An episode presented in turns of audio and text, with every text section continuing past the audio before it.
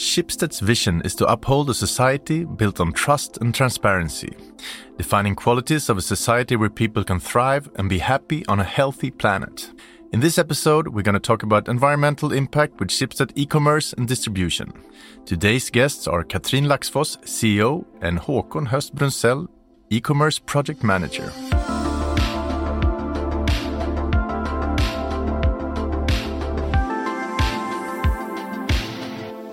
Is it possible to go green with the distribution business without hurting the bottom line? Katrin Laxfoss. If I may, I would like to rephrase that question to Is it possible to maintain growth and profitability without going green? And I believe that the answer to that is no. So we work in a highly uh, competitive industry, and margins are traditionally uh, very low what we experience right now is that both e-commerce customers and consumers are pushing towards green delivery solutions.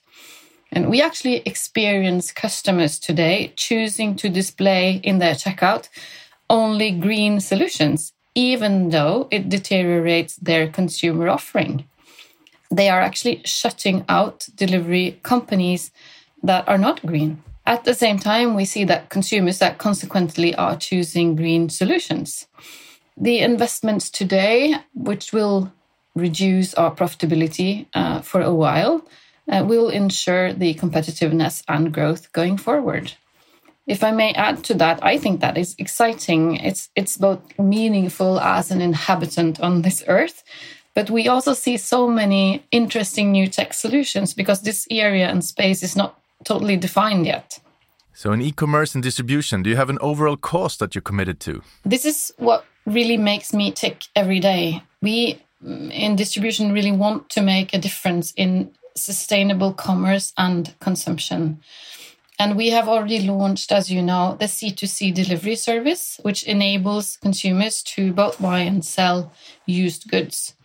And we know that more than 93% of the consumers who uses this service uses it for exactly selling or buying second or third hand um, products. And we know that last year, more than 2 million products were sent um, using this service, and we are integrated on all platforms uh, in Norway Bookis, Tise, uh, Finn, of course, and then Hygglo for rentals. What we see is that um, our marketplaces in Schibsted uh, the e-commerce and distribution. Um, we are working on so many ideas on how to increase re-commerce, um, how to resell, reuse, repair, rentals, returns, um, and, and, also recycling. We have a long-term relationship with Røde Kors in in um, gathering uh, used um, recycling goods uh, for them, and and we we recently also invested in, into um, startups, very early phase. Uh, one is Turner.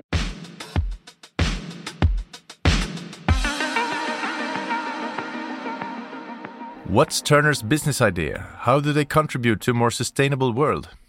Håkon Höst Brunsell. Turner is a, is a player in the textile industry, and when accelerating the green shift, we're looking for you know, where can we have the most effect on the environment? So effect is, is important. And, you know, within the textile industry, the last 20 years, clothing prices in, in the EU have dropped with 30%. So clothing has become 30% cheaper the last 20 years. And us as consumers, we buy twice as much now as we did 10 years ago just in average, you know, EU citizens consume 26 kilos of textiles each year. The textile industry has great potential in terms of becoming more sustainable. And, you know, currently nearly 10% of global CO2 emissions come from textiles and the retail industry. So we were looking into this industry looking at potential solutions, how to, how to sort of take that footprint down. And quite suddenly we saw that you know returns is actually a, big problem within textile industry because you know within e-commerce one of four products or even more are returns. People buy a lot of stuff that don't really fit and uh, are not or is not as expected. So 25% is is returned in average uh, in, and in some cases uh, you know nearly half of what is purchased is sent back. Usually e-commerce players have you know the warehouses in Central Europe somewhere, or in perhaps southern Sweden at best. And of course, if you're in the northern part of Norway, that's that's quite far away. So when sending a return back to to uh, to the to the retailer, there's quite a lot of footprints on that uh, distribution and that logistics. The worst thing is that when it comes back to the warehouse, a lot of the products are not really fit for relisting they're not as new. So they're, you know, the companies are not able to sell them to the next consumer. What happens is that a lot of products actually are, you know, destroyed. And in some cases, up to half of everything that comes back is, is basically thrown away. Turner has created a market leading digital return solution that makes it easier for consumers to return their products. And more importantly, that they make it easier for retailers to resell the products by digitalizing the returns journey, basically. But what is it that they do exactly? Turner is uh, is integrated with the e-commerce player's ERP system and point of sale system, so that when the consumer wants to return something, they can easily uh, look that product up in their purchasing uh, history, and uh, as soon as that return is registered, it's made available for the next consumer to purchase. And what's really unique with this uh, offering is that we're utilizing the C2C network in Helthjem uh, in Norway and Dores in, in Sweden in, in, in, in order to, to sell that product to the nearest consumer looking for such a product. Do I get it right? Someone in Oslo buys a sweater that turns out to be too small, then that sweater could be resold to someone else in Oslo without having to travel back to Poland or wherever it was sent from these products end up in the same marketplace that, that they were sold in in the first place. So they're just having like thousands of kilometers of traveling before they're made available for resale. So this is what we, we are solving with Turner. And uh, it's a great startup, Stockholm based team, really tech savvy and um, nice strategic sort of uh, partner for us. In, within this return space. This is not the only company Schibsted e-commerce and distribution invested in recently. Uh, and the second company we invested in is Arbor, uh, which is a company that displays uh, sustainability data on different products and producers throughout the world. And these are very small companies in a space that we follow closely. Uh, and we actually want to develop offerings based on, on, on what they have, what we have of different companies and solutions, and also what we see that other companies in this space have. And what we want is, of course, to make make a second life for products and also increase the ease for consumers to understand the sustainability of a product that they are buying uh, in the first place. The consumers return 25% of their clothes. Most of it have to do with size. How do we cope with that?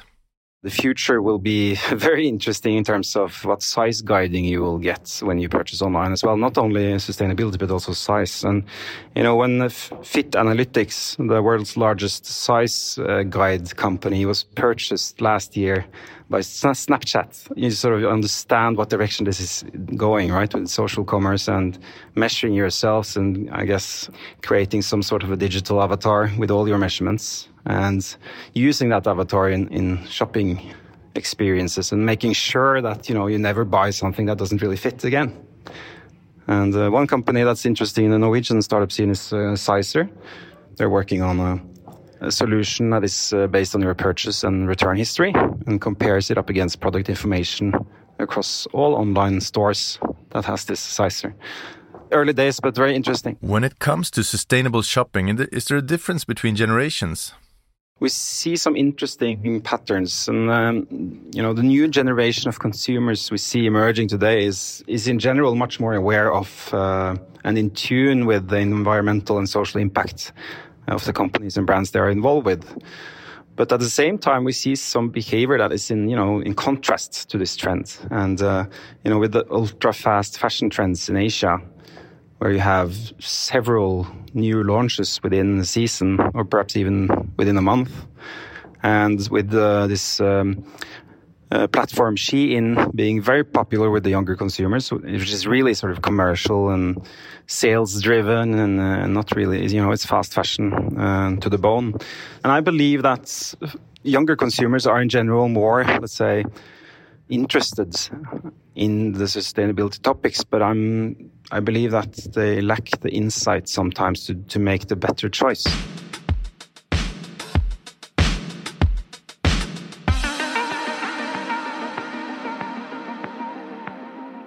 Information is key to ensure that products are sustainably designed, sold, reused, repaired, and treated at the end of their lives. As part of the Sustainable Products Initiative, the European Commission has created digital product passports with the aim to store and share all relevant information along the product lifecycle. The goal is to increase the chances of products being reused multiple times and probably recycled at the end of their life. And on top of that, to give users more information about the supply chain of materials and products.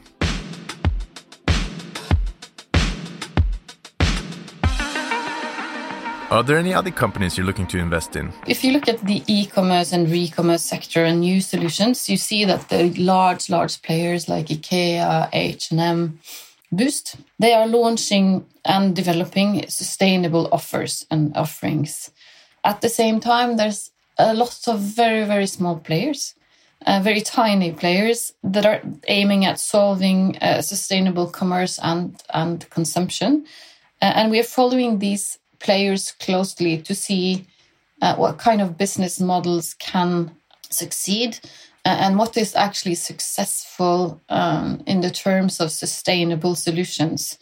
So it's uh, we're, we're keeping our investment eyes on these, and of course, we we are an investor uh, in Schibsted, but uh, sustainability is really a fundamental part of of you know building a strong and successful business going forward in any industry. As a responsible owner or player, and also investor, we have to to make sure that companies we invest in have you know a good impact on society. But in my area in Schibsted, which is e-commerce and, and distribution it's it's a lot about very a lot of new solutions and new companies coming up and that's what we are looking for specifically these days Sustainability could mean different things. What does it mean for you in e-commerce and distribution? Sustainability can maybe be divided into social conditions, climate and environment and, and also financial sustainability, of course. And, and when we talk of the green shift in distribution and e-commerce, we mainly talk about our impact on climate and environment. If you look at, of course, distribution, uh, this is all about gas uh, emissions, energy consumption, waste, and so on. Uh, we've worked a lot on energy consumption and waste handling and waste reduction. And now we are working, and that has to be long term, of course, uh, on a lot of uh, climate gas emissions. We want to reduce our climate impact, of course, and we can do that in several ways. We can, of course, reduce the driving, planning uh, a lot better, having new planning systems. And then also we can change the way we distribute either by walking more, reducing the, the numbers of kilometers driven uh, by walking more, but also changing the vehicles and the fuel that we use. And we are using that, and I just we are doing that, of course, and uh, and also um, I want to say that we we have this impactful when we change things, not only talk about them. Uh, when we change the vehicle, when we change the way we distribute, and so on, that is so visible to the people working in our companies and that's what make them kind of feel that we are actually have a pace on our changes and also that we are focusing on our goals because this is of course um, uh, one of our main goals in distribution we have a, a, also a social responsibility um, in a way uh, we have a, a very diverse workforce which in our industry unfortunately uh, means that um, there's a potential for being subject to social dumping. And we see that, um, you know, our competitors being accused of that uh, occasionally. Uh, and therefore, we have a very strict standard in order to, to maintain fair and, and livable wages and also good working conditions for our people, all of our employees, but also the, the contractors that work for us. Uh, and this has been very important to the media industry for centuries, uh, for the for the time that we have distributed newspapers. So we're following up on that line, and, and that is important to us, and it has always been important to us.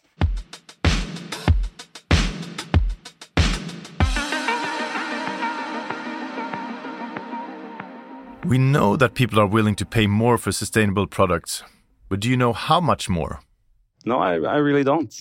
I, but I think that um, in the future, where we have made made it easier to resell and made it easier to pass products along to new owners, consumers will be willing to pay more for quality.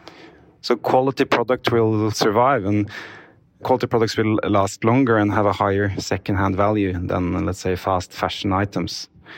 So I think it's our job to make sure it's easy and convenient to choose the sustainable. Do you educate your team on the benefits of going green?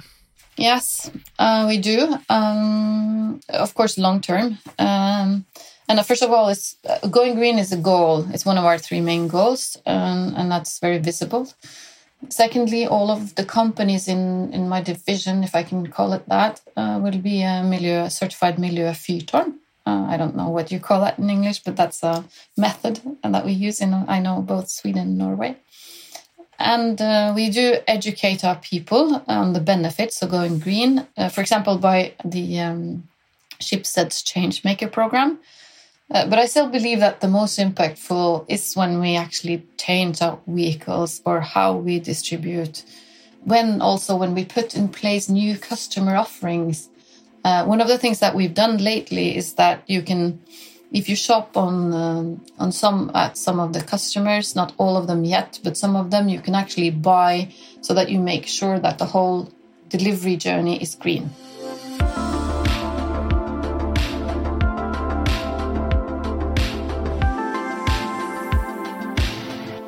This podcast was brought to you by Schibsted Employee Branding Team. It was produced by Stray Dog Studios. My name is Hugo Renberg.